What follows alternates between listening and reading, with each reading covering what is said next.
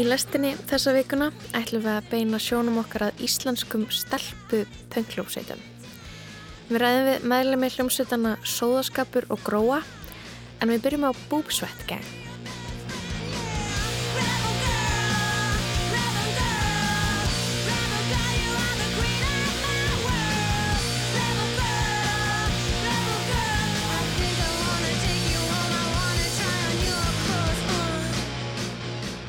Það er til fræ ljósmynd af Kim Gordon, söngkonu og bassaleikara Sonic Youth þar sem hún er í grænum ból sem stendur á stelpur, fundu, punk rock, ekki England.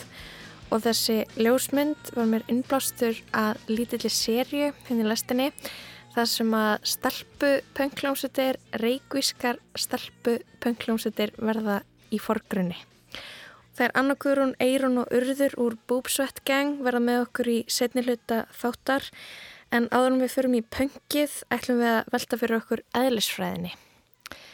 Er hún stöðunuð eða á villigötum? Er hún of upptekinn af fallegum formúlum og fröðulegum kenningum um fjölheima og fleiri vittir til þess að leggja eitthvað nýtt af mörgum? Þetta eru aðeins nokkrar af þeim spurningum sem þíski eðlisfræðingurinn Sabín Hossenfelder veldur upp í bók sem var að koma út í íslenskri þýðingu Ramvilt í reikningskunstum. Hvernig fegurðin villir um fyrir eðlisfræðinni? Snorrira Halsson teku við. Hjá mér sitja Gunnlaugur Björnsson, stjarnæðilis fræðingur við Raunvísindastofnun Háskóla Íslands og Baldur Arnason, bladamæður. Þeir hafa verið yðnir við að þýða vísindabækur á íslensku og svo nýjasta heitir Ramvilt í reikningskunstum, hvernig fegurðu villir um fyrir eðlisfræði og er eftir Sabine Hossenfelder. Þetta er áhugaverð bók sem veldur upp stórum spurningum um hvort vísindin séu mögulega á villigötum, hvort þinn vísindalega aðferð eigi undir höggað sækja, hvort vísindamenn bæti í raun og veru miklu við núverandi þekkingu. Verðið sælir. Góð daginn. Nei svona svo við áttum okkur aðeins á samhenginu getið sagt mér hans frá Sabíne Hossenfelder hún er fræðilegur eðlisfræðingur en líka ödull vísindamilari hvað færst hún svona við í sínum rannsóknum og sinni milun? Já sko, hún er þýsk, þýskur eðlisfræðingur eh, tæplega 50, 45-6 ára líklega. Hefur eh, sína mentun í grunni eðlisfræðingunar dýfstu spurningu sem maður getur eh, spurt um, um eðli náttúrunar og er að reyna að átta sig á því hvaða er sem að eh, eiginlega gefur okkur þann alheim sem við búum í. Og þetta hefur hún starfað við frá því hún lögnámi á sínum tíma og er reyndar enn virk og hún er enn að, að skrifa greinar og, og fræði greinar á, á sínu sviði með, með kollegum. En síðustu árin, nokkur árin, þá hefur hún fært sig líka töluvert mikið yfir í vísindamilum, bæði haldið úti hérna bloggsíðu, byrjar þar, uh, hún er komið með uh, sér vefsíðu þar sem hún uh, ræðir nánast í þaula ymsar spurningar á máli sem almenningu skilur og svo heldur hún úti mjög vinsætli YouTube rás sem er komin held ég með yfir miljón áskrifundun og þegar. Þannig að Þannig að hún er mjög virk og, og það er eftir henni tekið og hún er mjög skýr í, í sínum útskýringum. Það er að segja, hún, hún kreist allar vandamálið og svo fer hún bara kerfisbundið yfir það á mjög skýru en oft talsveit einfölduð málið náttúrulega því að það er ekki hægt að kafa kannski óendanlega djúft ofan í hluti sem að maður er að útskýra fyrir uh, fólki sem ekki hefur þjálfun kannski til þess að fylgja eftir starfræðinni. Nei, nei, við erum ekki öll eðlisfræðingar en eðlisfræðin skiptar okkur máli. Hvers vegna var þessi bók fyrir valinu hjá ykkur? Þið hafið þýtt nokkrar, til dæmis framtíð mannkynns og alheimur úr engu, en akkur þessi? Já, sko, þegar ég las hann á sínum tíma, ég veit ekki hvernig, hvernig hérna, Baldri leist á hann, en þegar ég las hann á sínum tíma, þá, þá fannst mér hún áhugaferð fyrir það leiti að hún, mér fannst hún sko uh,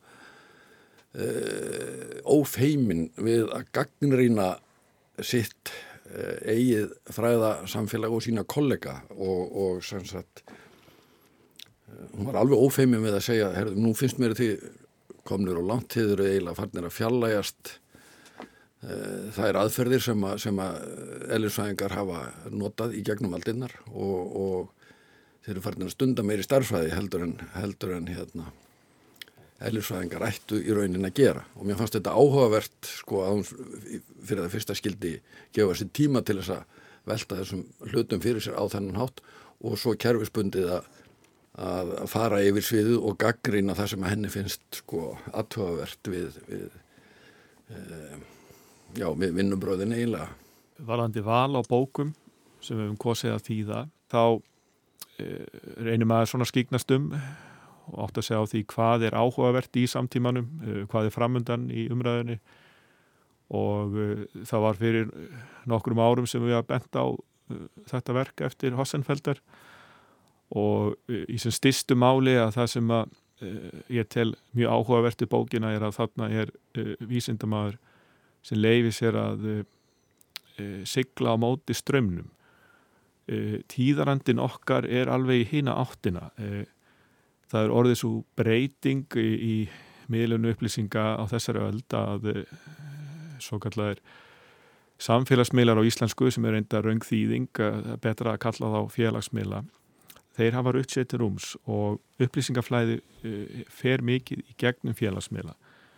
Og það er búið að para saman fólk sem hefur áþekk viðþorf og skoðanir. Og þetta er öndvert við það Eh, hvernig stjórnmálaumræðan var og þjóðfélagsumræðan í byrjun aldarinnar þá höfðu þessa stóru fleka og þessa stóru fjölmila og uh, það voru skýrar í hugmyndafræðilega átök uh, í samtímanum okkar uh, koma ber á því viðhorfi að þessi búið að ræða hlutina í þaula og að þá ber að samþykja en ofta á tíðum er alls ekki búin að eiga sér staður aukraða um hlutina Þannig að eh, þetta er tíðarandun okkar og ég held að þetta er mikið erindi við Íslandinga að geta farið með uh, Hossenfeldar í þetta ferðalagi í bókinni og, og, og setið á fremsta bekk og fylgst með því uh, hvað er verið að deila um við grundvöld eðlisfræðinar. Emit, maður getur þá að hugsa sér sko á þessum félagsmiðlum þá eru við inn í svona búblu Emit. og getur þá verið að svona þessi eðlisfræði sem verið er að stunda og að eðlisfræðingar séu komnir inn í einhverja búblu sem að sko Hossanfelder kemur svo inn og, og gaggrínir. Í hverju fælst hennar gaggríni? Jú, það, það er alveg rétt. Það má alveg, alveg draga þá samlingingu við, við félagsmiðlana að, að hún segir í bókinni að, að sko vísindamennir á ákveðnum sviðum eru farnir að skrifa meir og minna hver fyrir annan sko og, og vitna hver í annan þannig að það sem þeir eru að tala um það fer eiginlega ekkit mikið lengra heldur en út fyrir þeirra eh, ekki kannski þrönga hóp en þeirra, þeirra sérsvið. Og, og þetta er þetta finnst henni eiginlega galli á, á aðferðafræðinni að, að sko eh, vinnan sem menn eru í að hún, hún fer aldrei neitt mikið lengra heldur en bara út af jæðri hópsins sem að þeir eru að skrifa fyrir Svoleiðis að í, í þeim skilningi er, er, er þetta alveg, alveg rétt samlinging sko. Já, undirtitill bókarinnar er hvernig fegurð villirum fyrir elsræði. Ég er svolítið áhugað þessu, hva, hvers konar fegurð er hún að tala um? Er það þetta E-jamt og MC öðru falleg uh, formúla eða er það einhver falleg heimsmynd sem að menn er að setja fram? Hva, hvernig er það fegurðin? Það sem hún fyrst og fremst er að gaggrina í þessari bók er að viss uh, svið uh, eðlursvæðinar og hún tilgreinir örendafræði og strengjafræði kannski sérstaklega að þar er vinnan orðin svo starfræðileg að það er nánast um reyna starfræði að ræða. Sko, eðlursvæðin byggir á því að maður setur fram hugmyndi eða lýsingu á náttúrunni og svo fer maður út og, og reynir að sannreina með mælingum hvort að náttúran hægir sér virkilega svona eins og maður er að ímynda sér eða halda fram í sínum líkunum þeir sem að vinna í, í háorku eðlisvæðu og, og hérna, strengjafræði þeir eiga ekki þennan möguleika. Þeirra heimur er svo, starfræðilegur að þeir hafa ekkert til að jartengja sig við. Þeir hafa yngar mælingar sem að, sem að þeir geta nota til þess að annarkvort að staðfesta sínar hugmyndir eða eða, eða, eða sagt, hafna þeim. Og þetta finnst henni ekki lengur vera eðlusæði af því að það skortir þessa hjartengingu, það skortir þennan möguleika á að mæla fyrirbærin sem menn er að glýma við og þar með segjur hún þessi fagra starfsæði sem menn er að vinna með hún hefur dreyið menn inn í botlanga þar sem þeir rati ekki út úr aftur og þar með er þetta ekki lengur eðlisfræði sem þeir eru að þást við. En við erum hér að tala um stórbrotnar hugmyndir uh, og þá myndi ég fyrst og fremst nefna hugmyndir um fjölheim sem að uh, Sabín gaggrínir og, og uh, viðmælendur hennar líka Ellisvæðingarnir Nýma Arkani Hamed og George Ellis fara gaggrínum orðum um þá kenningu. Kenningin um fjölheim, hún, hún hefur náð mikill útbreyslu og, og það er bandariskur Ellisvæðingur nafni Brian Greene sem hefur skrifað bækurnar The Fabric of the Cosmos og The Elegant Universe sem að uh, urðu meðsölu bækur í bandaríkjónum þar sem hann fjallar um strengjafræðina og, og fjölemskenninguna og uh, til að setja þetta í, í aðeins starra samingi að þá sjáum við á 19. öldinni uh, þróunakenninguna uh, og, og ný viðþorfum tilur lífs og, og tilur mannsins Svo sjáum við byrjun fjóruða áratöða síðustu aldar mælingar og útænslu al alimsins og, og, og afleðan af því er þá að, að alheimurinn eigi sér upphaf, það er kenninginu mikla kveld og uh, uh, þessi ströymar hafa mikil áhrif á, á viðþorð á innan vísindaheimsins til þess hvernig heimunum verður til og, og hvernig lífi kviknar. Og uh, fjöleimstilgáttan er síðan viss nátt framhald af þessu með því að, halda því fram að það eigi sér stað mikli kvellir eigi sér stöðut stað. Og því sé hugsanlega til óendalegt uh, svona stórbrotna kenningar er auðvitað askaplega heitlandi en, en eins og Sabi nefnir að, að þá er hinn vísindarlega undirstaðra umdelt Já það er náttúrulega sko okkar alheimur í þessum, þessari, þessu samingi er bara einn af óendalega mörgum öðrum. Og, og vandin eh, heillandi hugmynd vegna þess að þetta vissuleiti er afleðing af, af því að reyna að spyrja það saman skamtafræðin og, og almenna ástæðiskenningunum en vandin er sá að það verður aldrei nokk tíman að þetta gangur skuggum það hvort að, þetta, sko, hvort að það er, séu raunverulega til aðrir alheimar. Við búum í þessum eina sem við þekkjum og við þekkjum eiginlega bara okkar nánasta umhverfi í honum ef til eru óendilega margir aðrir þá munum við aldrei nokk að geta sannreint það og það er það sem að henni finnst sko gaggrín verðast í þessu að hérna. Það er líka uh, sem hún kemur inn á er að hún gaggrínir hversu langt eðlisfræðingar hafa gengið í því að uh, fara að skýra út tilur lífs í alheiminum og þá tel ég að hún sé tvímarlust að gaggrína Stephen Hawking og, og, og uh, bókina Skipulag Alimsins það sem að Hawking er svona að draga saman sína heimsmynd undir loksíns ferils og sem sagt uh, þessar hugmyndir hafa haft uh, það er, það er afleðingar að íta undir uh, guðleysi eða atheisma og en Sabín sem sagt telur að þarna séu vísnamennin farnar að ganga mun lengra en þeir hafa innstæðu fyrir.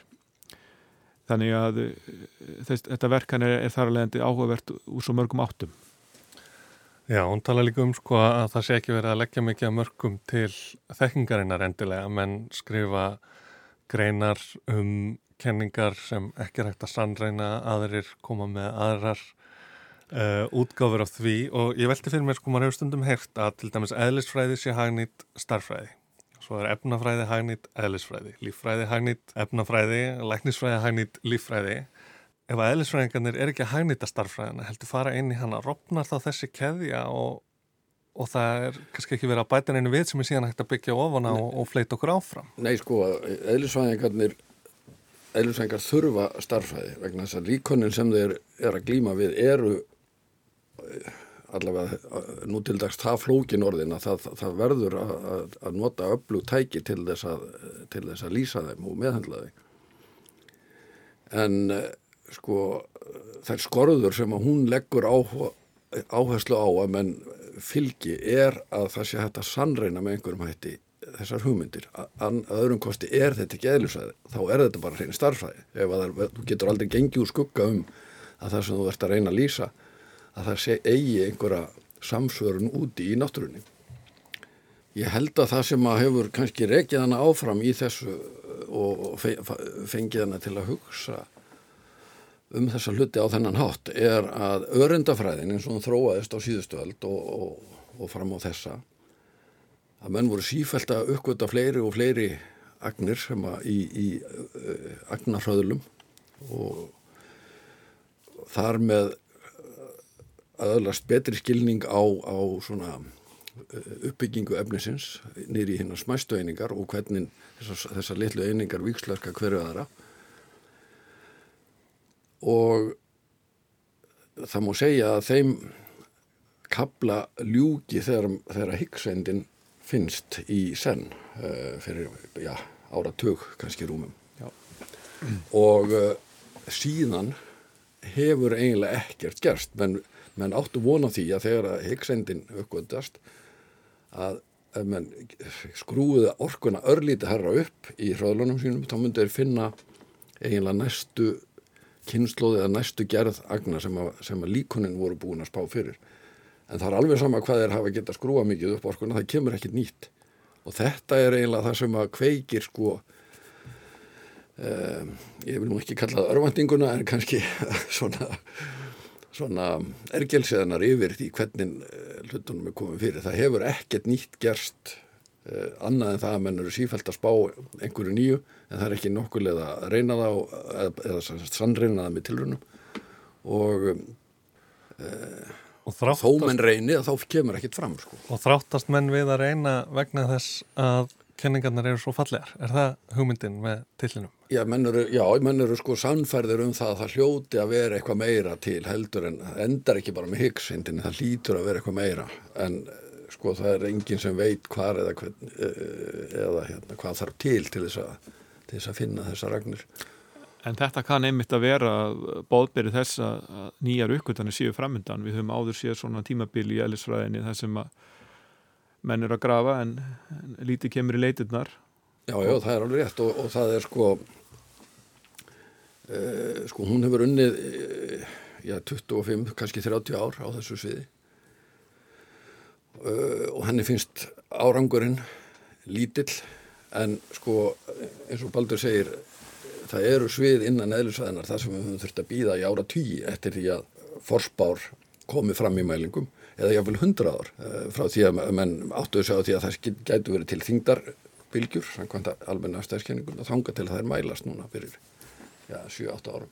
Svo líka verður að eh, verða vísnamörnum til vorkunar að hversu flóknar þessar tilhörnir eru orðnar við hugsaum okkur til dæmis segar að uh, Thomson fann uh, rafindina og, og Röðefort fann rótendina hversu einfaldar þær tilhörnir mm. voru og og leikmenn geta mjög öðvöldlega sett sér inn í þær tilraunir eh, en nú er þetta orðnir hraðalar sem eru með göng upp á 10 kílometra mörg þúsund mann sem koma að þessum tilraunum uh, þannig að maður er viss að samúða með því að, að það sé djúft á ykkurturum Já, og mikil ósköp sko og, og það sko þó svo að hægt gangi að hennar mati og margra þá, þá er ekki þar með sagt að það muni ekki á endan og skila sér sko. það er náttúrulega þegar að eh, nógu margir er að, er að vinna í, í, í verkinu þá er, kemur að því að e, e, einhver einni eða einhver hópur dettur niður á hluti sem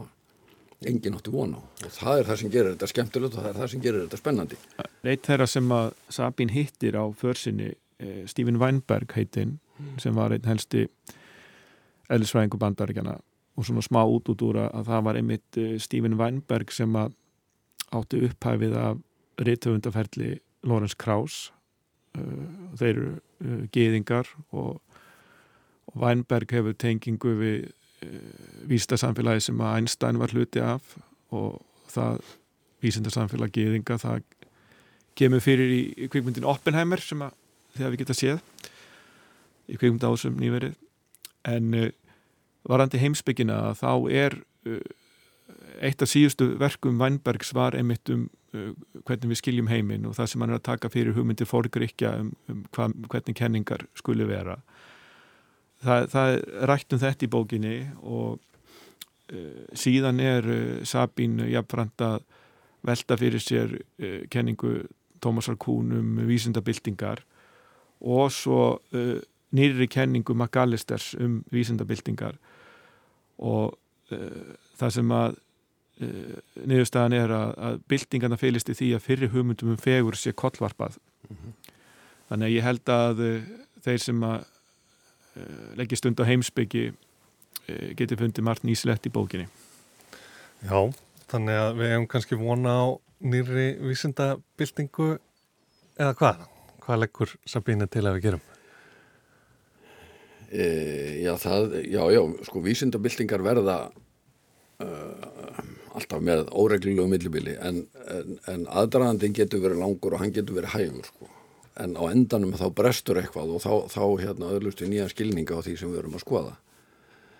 En uh, nokkar aðeins að nefna sko að, að kannski við höfum ekki sagt það kannski alveg skýrt en, en undirtitillin er hvernig fegur og villir um fyrir eðlusæði og hún er að vísa í fallega starfræði sem menn er að nota. En sko hún veldi líka fyrir sér sko af hverju e, á náttúrun að fylgja einhverju sem að mér finnst fallegt sko.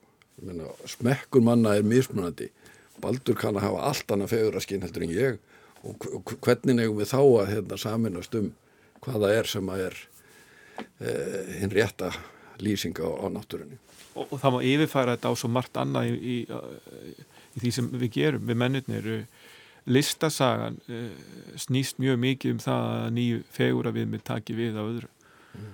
20. stöld og uh, það kemur nýr sannleikur og hjörðin fylgir þeim sannleika og, og, og síðan kemur eitthvað nýtt. Og því fyrra er íttir hliðar og jafnveg bísna langt gengið. Þannig að einhver leiti virðist þetta endur speikla okkar mannlega eðli.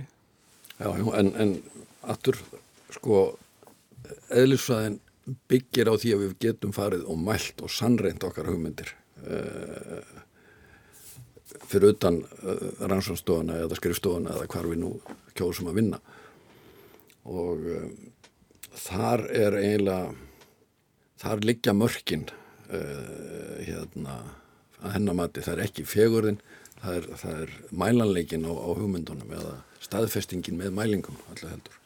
Já, látum þetta vera loka orðin. Fegurðin verður ekki mælt, hún verður ekki sannreind, hún verður bara upplifið en eðlisfræðin á ekki að fórst við hana heldur veruleikan eins og hann er og hægt er að mælan. Kæra þakki fyrir komuna Gunnlaugur Björnsson, stjarnelisfræðingur hjá Raunvísindastofnun Háskóla Íslands og Baldur Arnarsson, bladamæður. En þá að stelpupungi. Sko, ok, ég, ég fýla alveg hesta per se, en þú veist, ég veit ekki af hverju ég fór í að eitthvað hata hestan, þú veist, ég held eitthvað svona myndlíkingum, eitthvað, þú veist, að hestar eru kallmenn og eitthvað, ég, ég, ég veit það ekki, sko, en hérna, já, já, ég, ok, ég fýla ekki hesta, þú finnst það ekki eitthvað það næst, þeir eru ekki mjúkir, þeir eru bara alls ekki mjúkir. Hvað með að fara bara heim þar sem ég er að ríkjum, þar sem ég gerir mitt? Þú ert kannski velkominn, en kannski nei, kannski nei. Láttu mig vera eða komdu með mér heim. Komdu með mér heim Láttu mig vera eða komdu með mér heim. Komdu með mér heim. Komdu með mér heim. Komdu með mér heim. Komdu með mér heim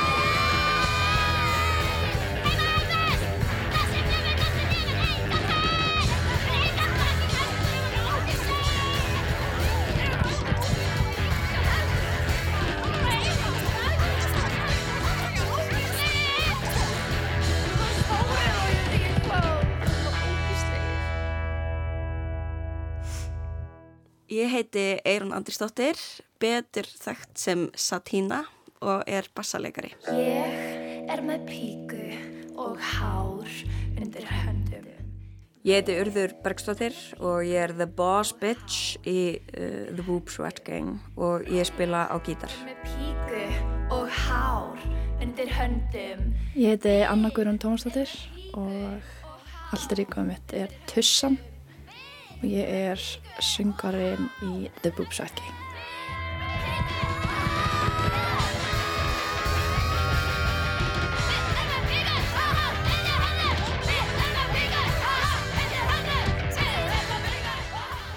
Hvað eru það eiginlega margar í Boobsweat Gang? Við erum sex, sexy, sexy girls og það vantar Bjartegi, Bjartegi Elín Haugsdóttir og hún er betur þekkt sem The Big Red Bitch. Síðan Já, hún er er, söngkona. Já, hún er söngkona. uh, síðan er Júlia Kolbrún Sigurðardóttir og hún er Nordnin og hún er líka söngkonan í bandinu. Já. Mm, þannig að hvað, byrju, hvað eru margar söngkonur? Þrjár. Við skulum ekki glema mörtu ákvæðdóttir, trómmuleikarunum okkar, kallaður Kvolpurinn. Getið þið sagt mér aðeins hvernig þessi hljómsveit The Boob Sweat Gang verður til? Já, við vorum sem sagt í svona danskompaníi, youth kompaníi. Forward Youth Company. Já, og þar kemur Gíja Jóns, fjöllistakonna og er með tveggja vekna workshop sem að kallast Wiki How to Start a Punk Band og fer í gegnum Wiki heimasíðina um hvernig við erum að stofna punkband. Mm, sem er svona, einmitt, uh, bara nokkur skref. Já. einmitt. Þetta var eitthvað svona gjörningur hjá henni sem hún var, Já, hún hún- var regla með. Já, hún var búin að stopna allavegna, ég heyrt um tvær hljómsveitir um, en þá hafði hún vanalega held ég haft þetta bara á einu kvöldi þá var ein hljómsveit komið saman á einu kvöldi þannig þetta verið fyrsta skipti sem að hún hafði aðeins lengri tíma þannig að við náðum svona að peppa þetta aðeins upp stopna Instagram síðu og svona Líka tíma til að mynda okkar einn karaktera. Já, Últer Ígóin okkar og vorum mjög mikið að vinna líka með, veist, performance. Já, kannski Það- gott að nefna það að þegar þið byrjuðu þetta þá var, uh, voru bara dansarar í Já. hljómsveitinni. og annað sem að hafði líka mikil áhrif á stafninu í hljómsveitinni er að þið voru þrjár, Anna, Júlia og Bjartey sem hefðu verið á Bitscraft workshopi hjá Höllu sem að Urður hefði reynda líka verið á Já. og bara ekki komin í hljómsveitina þá. Hvað er eiginlega Bitchcraft Workshop? Það er mjög áhugavert dæmi. Þá erum við að vinna í bara svona, sko Bitscraft, vá, þetta er mm, mjög erfitt að útskýra. Það er geggjuð heimildamind um hljómsveit sem að, hann þau sínda okkur, sem að er bara svona eiginlega kommuna þar sem að fólk er að vera uh, svona, uh, þetta er smá köld, uh, þessi hljómsveit uh, og þau búa saman og eru öll saman og svo er svona stage slut og þau eru bara eitthvað svona living their be best sexual life á sviði og í lífinu en þarna vorum við bara að læra að koma út bara eitthvað svona orku mm við vorum að hrista okkur Eitthvað svona aggressífri, svona, svona Já, frekar Já. grotesk. Svona, Já. mjög grotesk, við vorum að þú veist læra svona in, un, inhaling söng Ok. sem ég ætla ekki að gefa síni dæmi á Erstu viss? uh, ok, ég skal, ég skal reyna Vi, við sungum eitthvað hérna sem var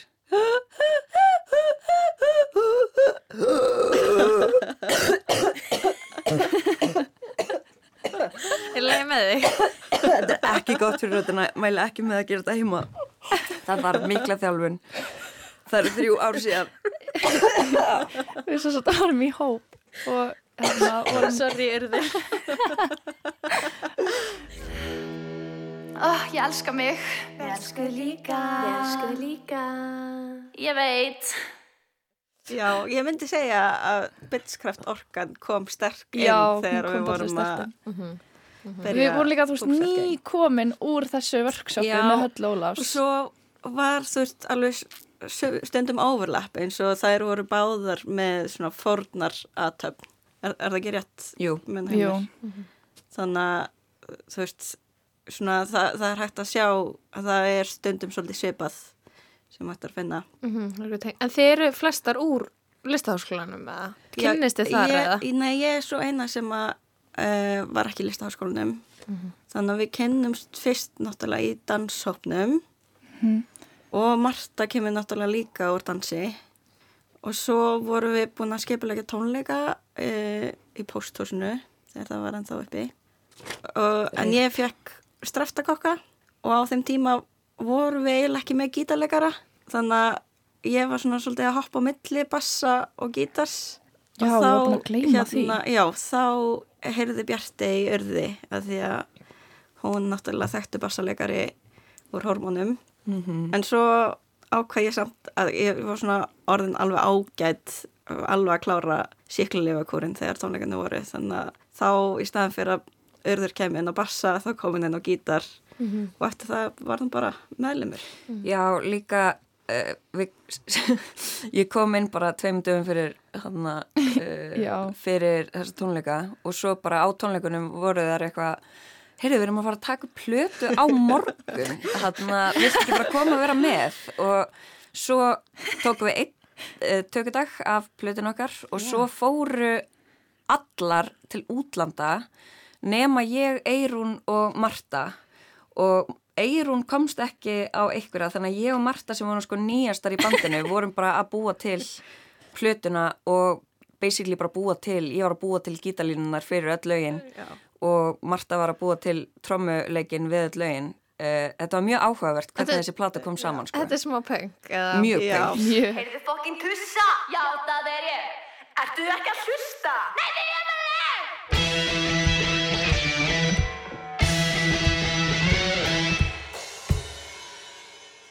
Drusla, drusla, drusla. Fokking ógisleg hóra Á guttun er ég köllu Dóra deg explóra Já,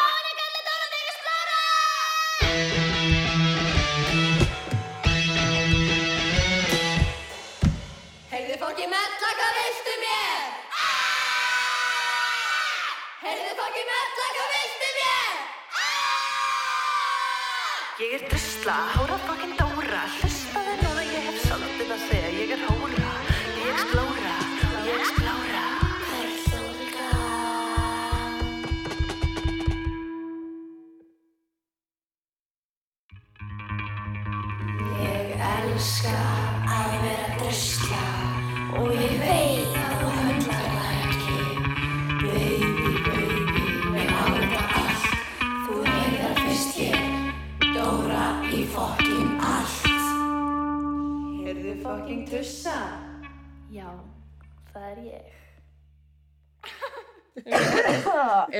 Ennþá að jafna sér eftir því?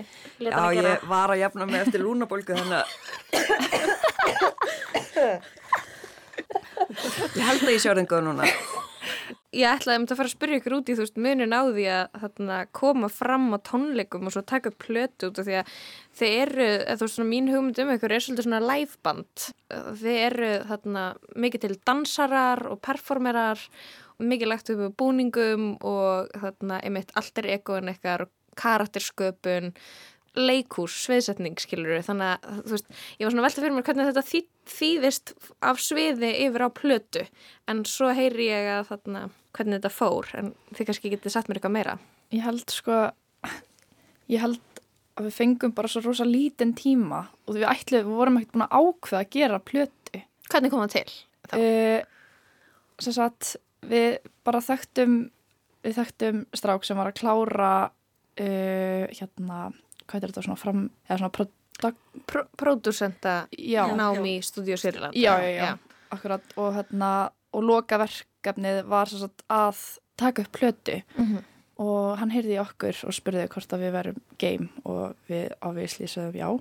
Mér finnst líka oft mikilvægt að segja bara oft já, í, Já. sérstaklega í svona bara um mitt já En Ég- þetta var ansið góði dill fyrir okkur. Já. Já, ok, þannig að þið gerir þetta og við fengum bara held ég, þú veist, einhverja nokkra tíma út af því að þú veist, það var alltaf fleiri í bekknum sem þurftu stúdíu en það voru bara einhverja nokkra tíma sem við fengum mm -hmm. og ég held að það var bara eitthvað svona, já, let's do it gerum bara þetta og síðan, þú veist, emitt fórum við allir til útlanda og, og Urður og Marta og Urður og Marta voru bara hérna, ég, þú veist ég held líka bara, þú veist, við vorum ekki að taka okkur það alvarlega.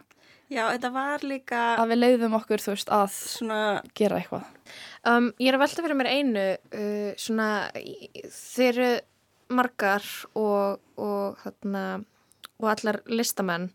Hvernig, hvernig eru vinnaðaferðunar? Eru þið með eitthvað svona hugmyndafræði, er eitthvað flatur struktúr, þú veist, hvernig á, takið ákvarðanir saman svona margar?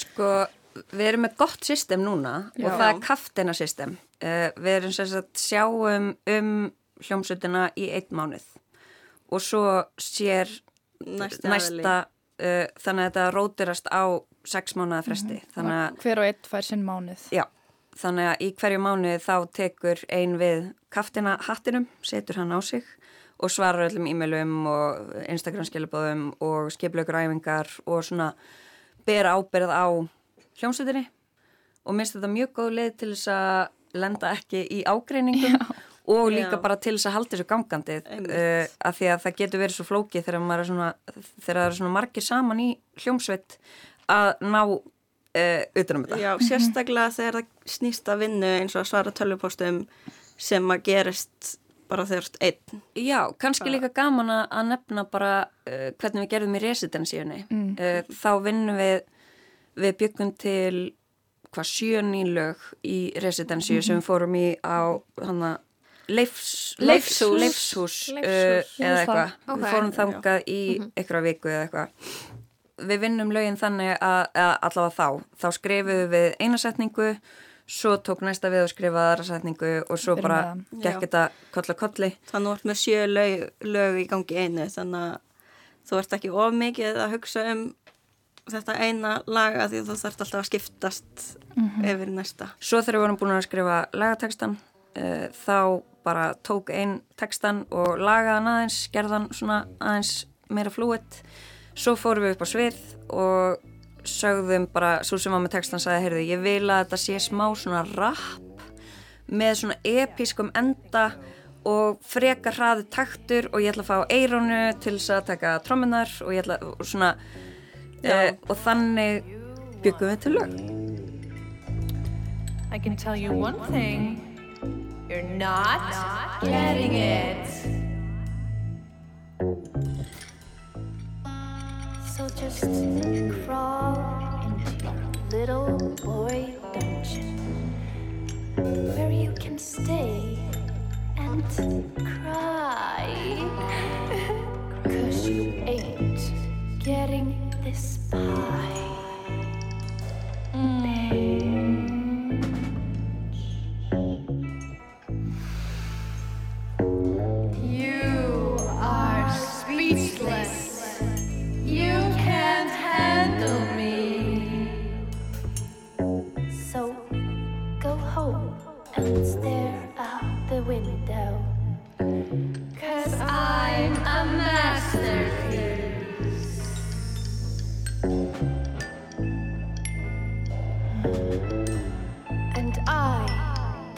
Waste my time.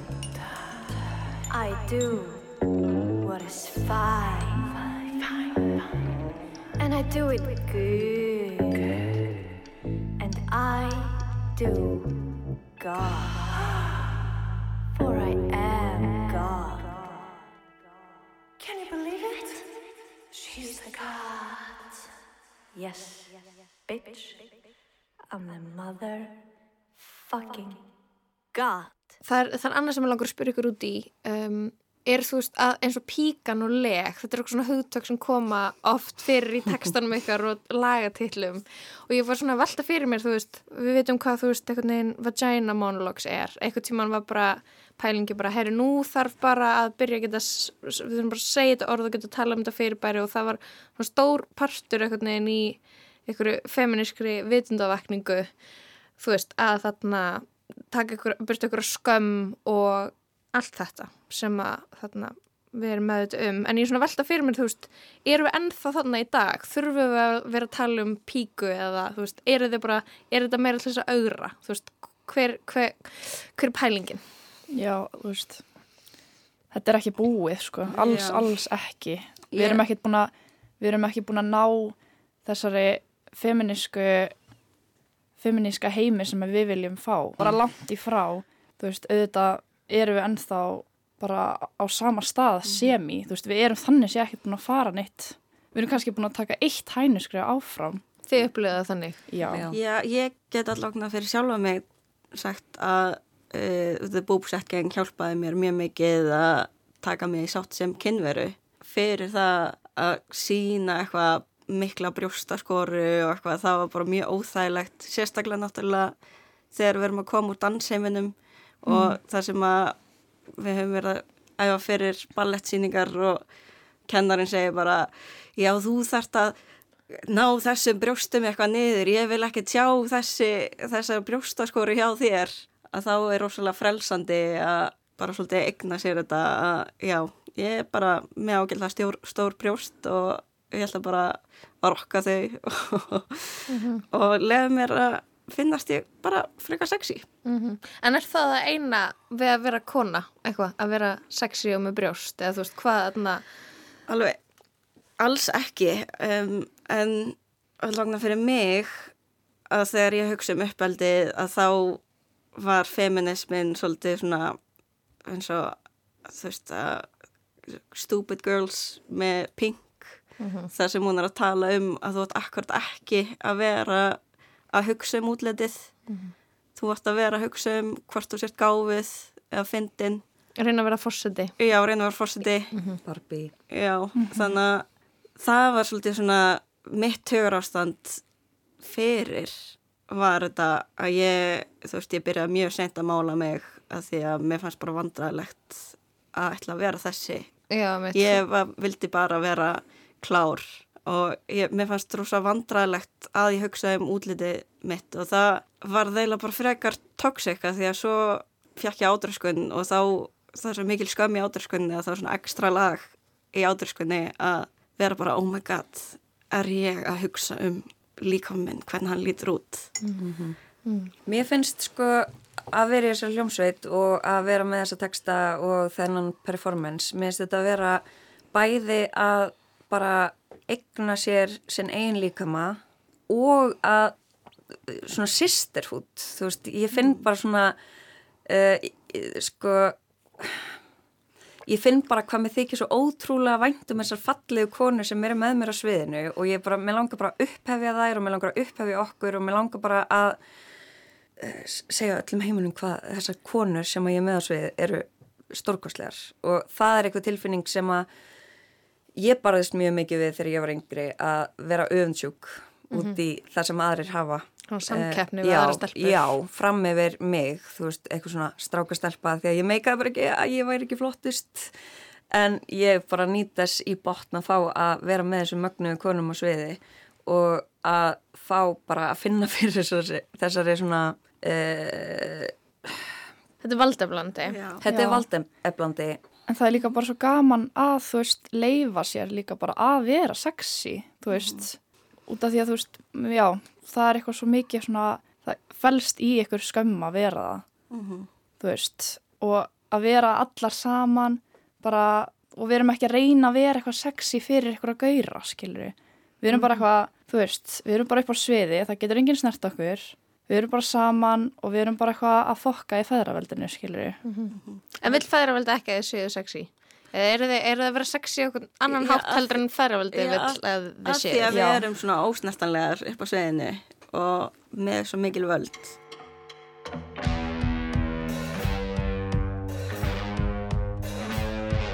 I do what I want, but do you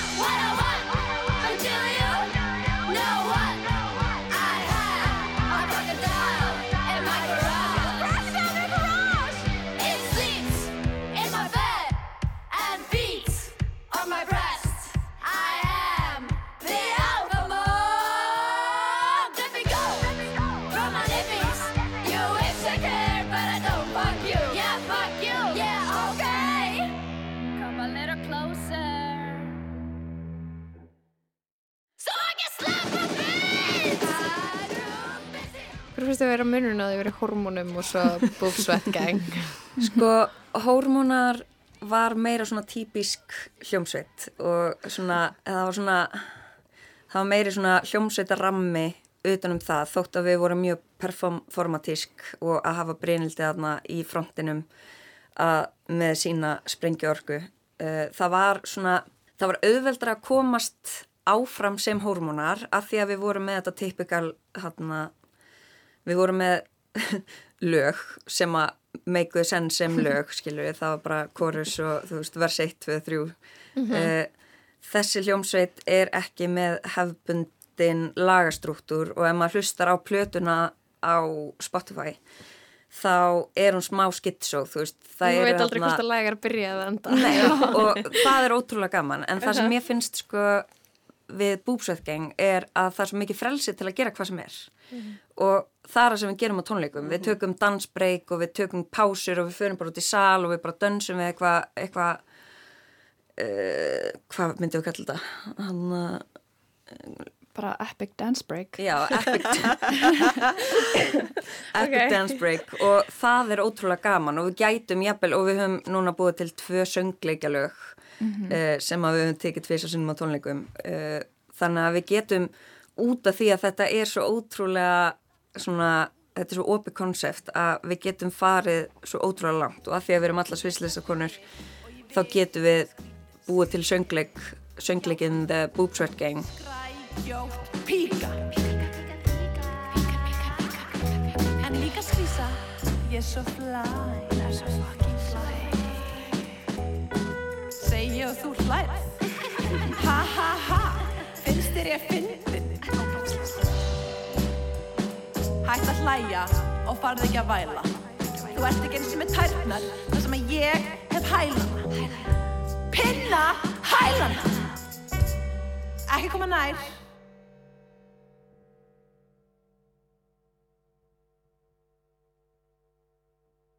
Þú vilt ekki þess að pinna á þínar tær.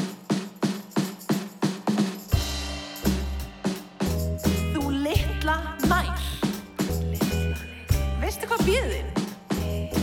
Nei, bitch. Ég er bara nær.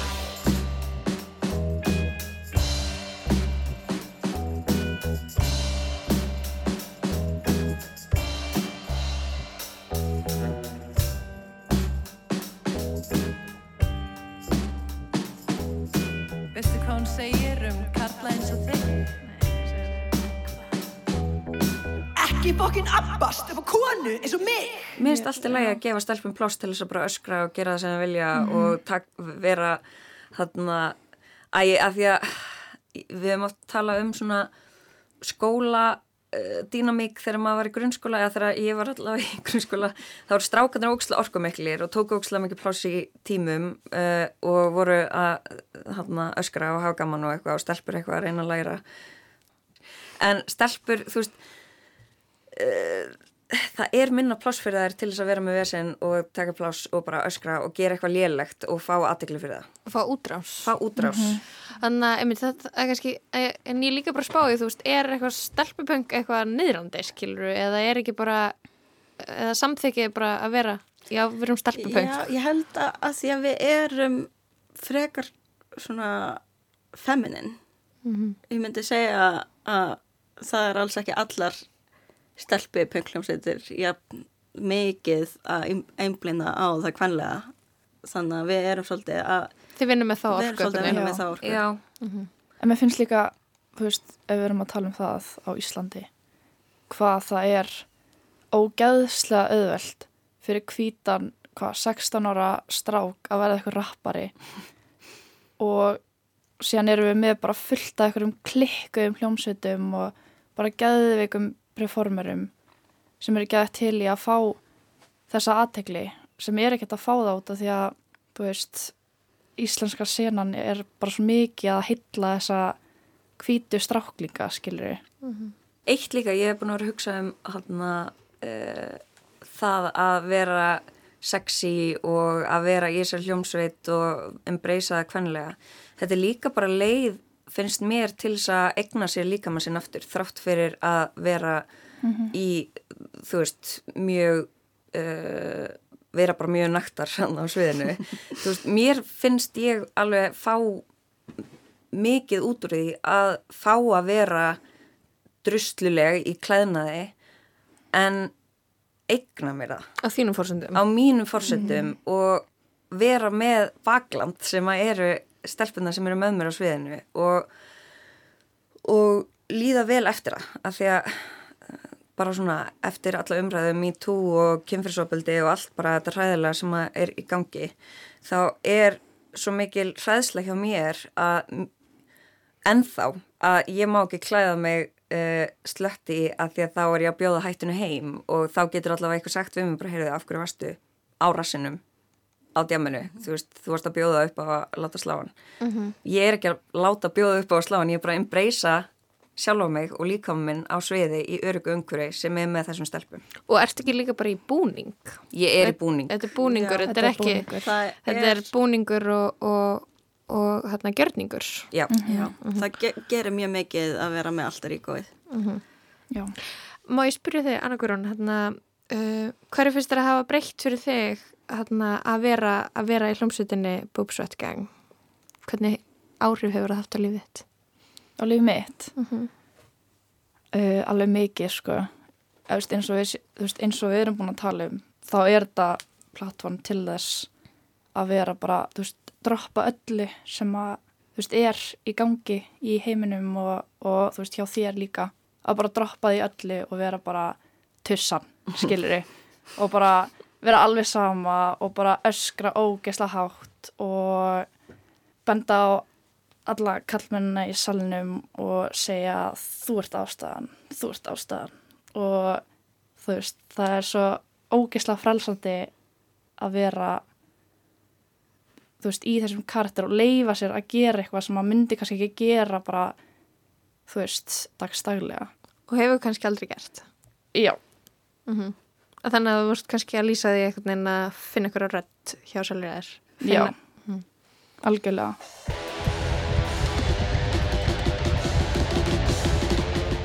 Hvað er framöndan hjá Boob Sweat Gang?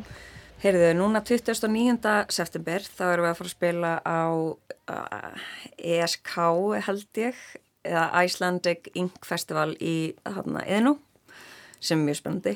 Við reyndum að fá tattoospons en við fáum bara Við fáum bara feng- pening Já, það er svolítið leðilegt. En gaman segja frá því að þar er líka sóðaskapur að koma fram. Sem að eru æðislegar, sjátt átt á sóðaskap. Þær eru Queens. queens og bara stjörnur og þær eru eftir að komast bara eitthvað mjög langt. Stelpur, um, Sweat Gang, þakk ykkur kærlega fyrir komuna í lestina. Takk fyrir. Takk. Takk fyrir okkur. Við ljúkum lestin í dag á læginu Conquer af plötunni Boob Sweat Gang The Album. Ég heiti Lóabjörg Björnsdóttir og þakka samfélgin í dag. Tækmaður var Litja Gretarsdóttir. Það verður meira stelpupöng í lestinni á morgun. Þanga til, verið sæl.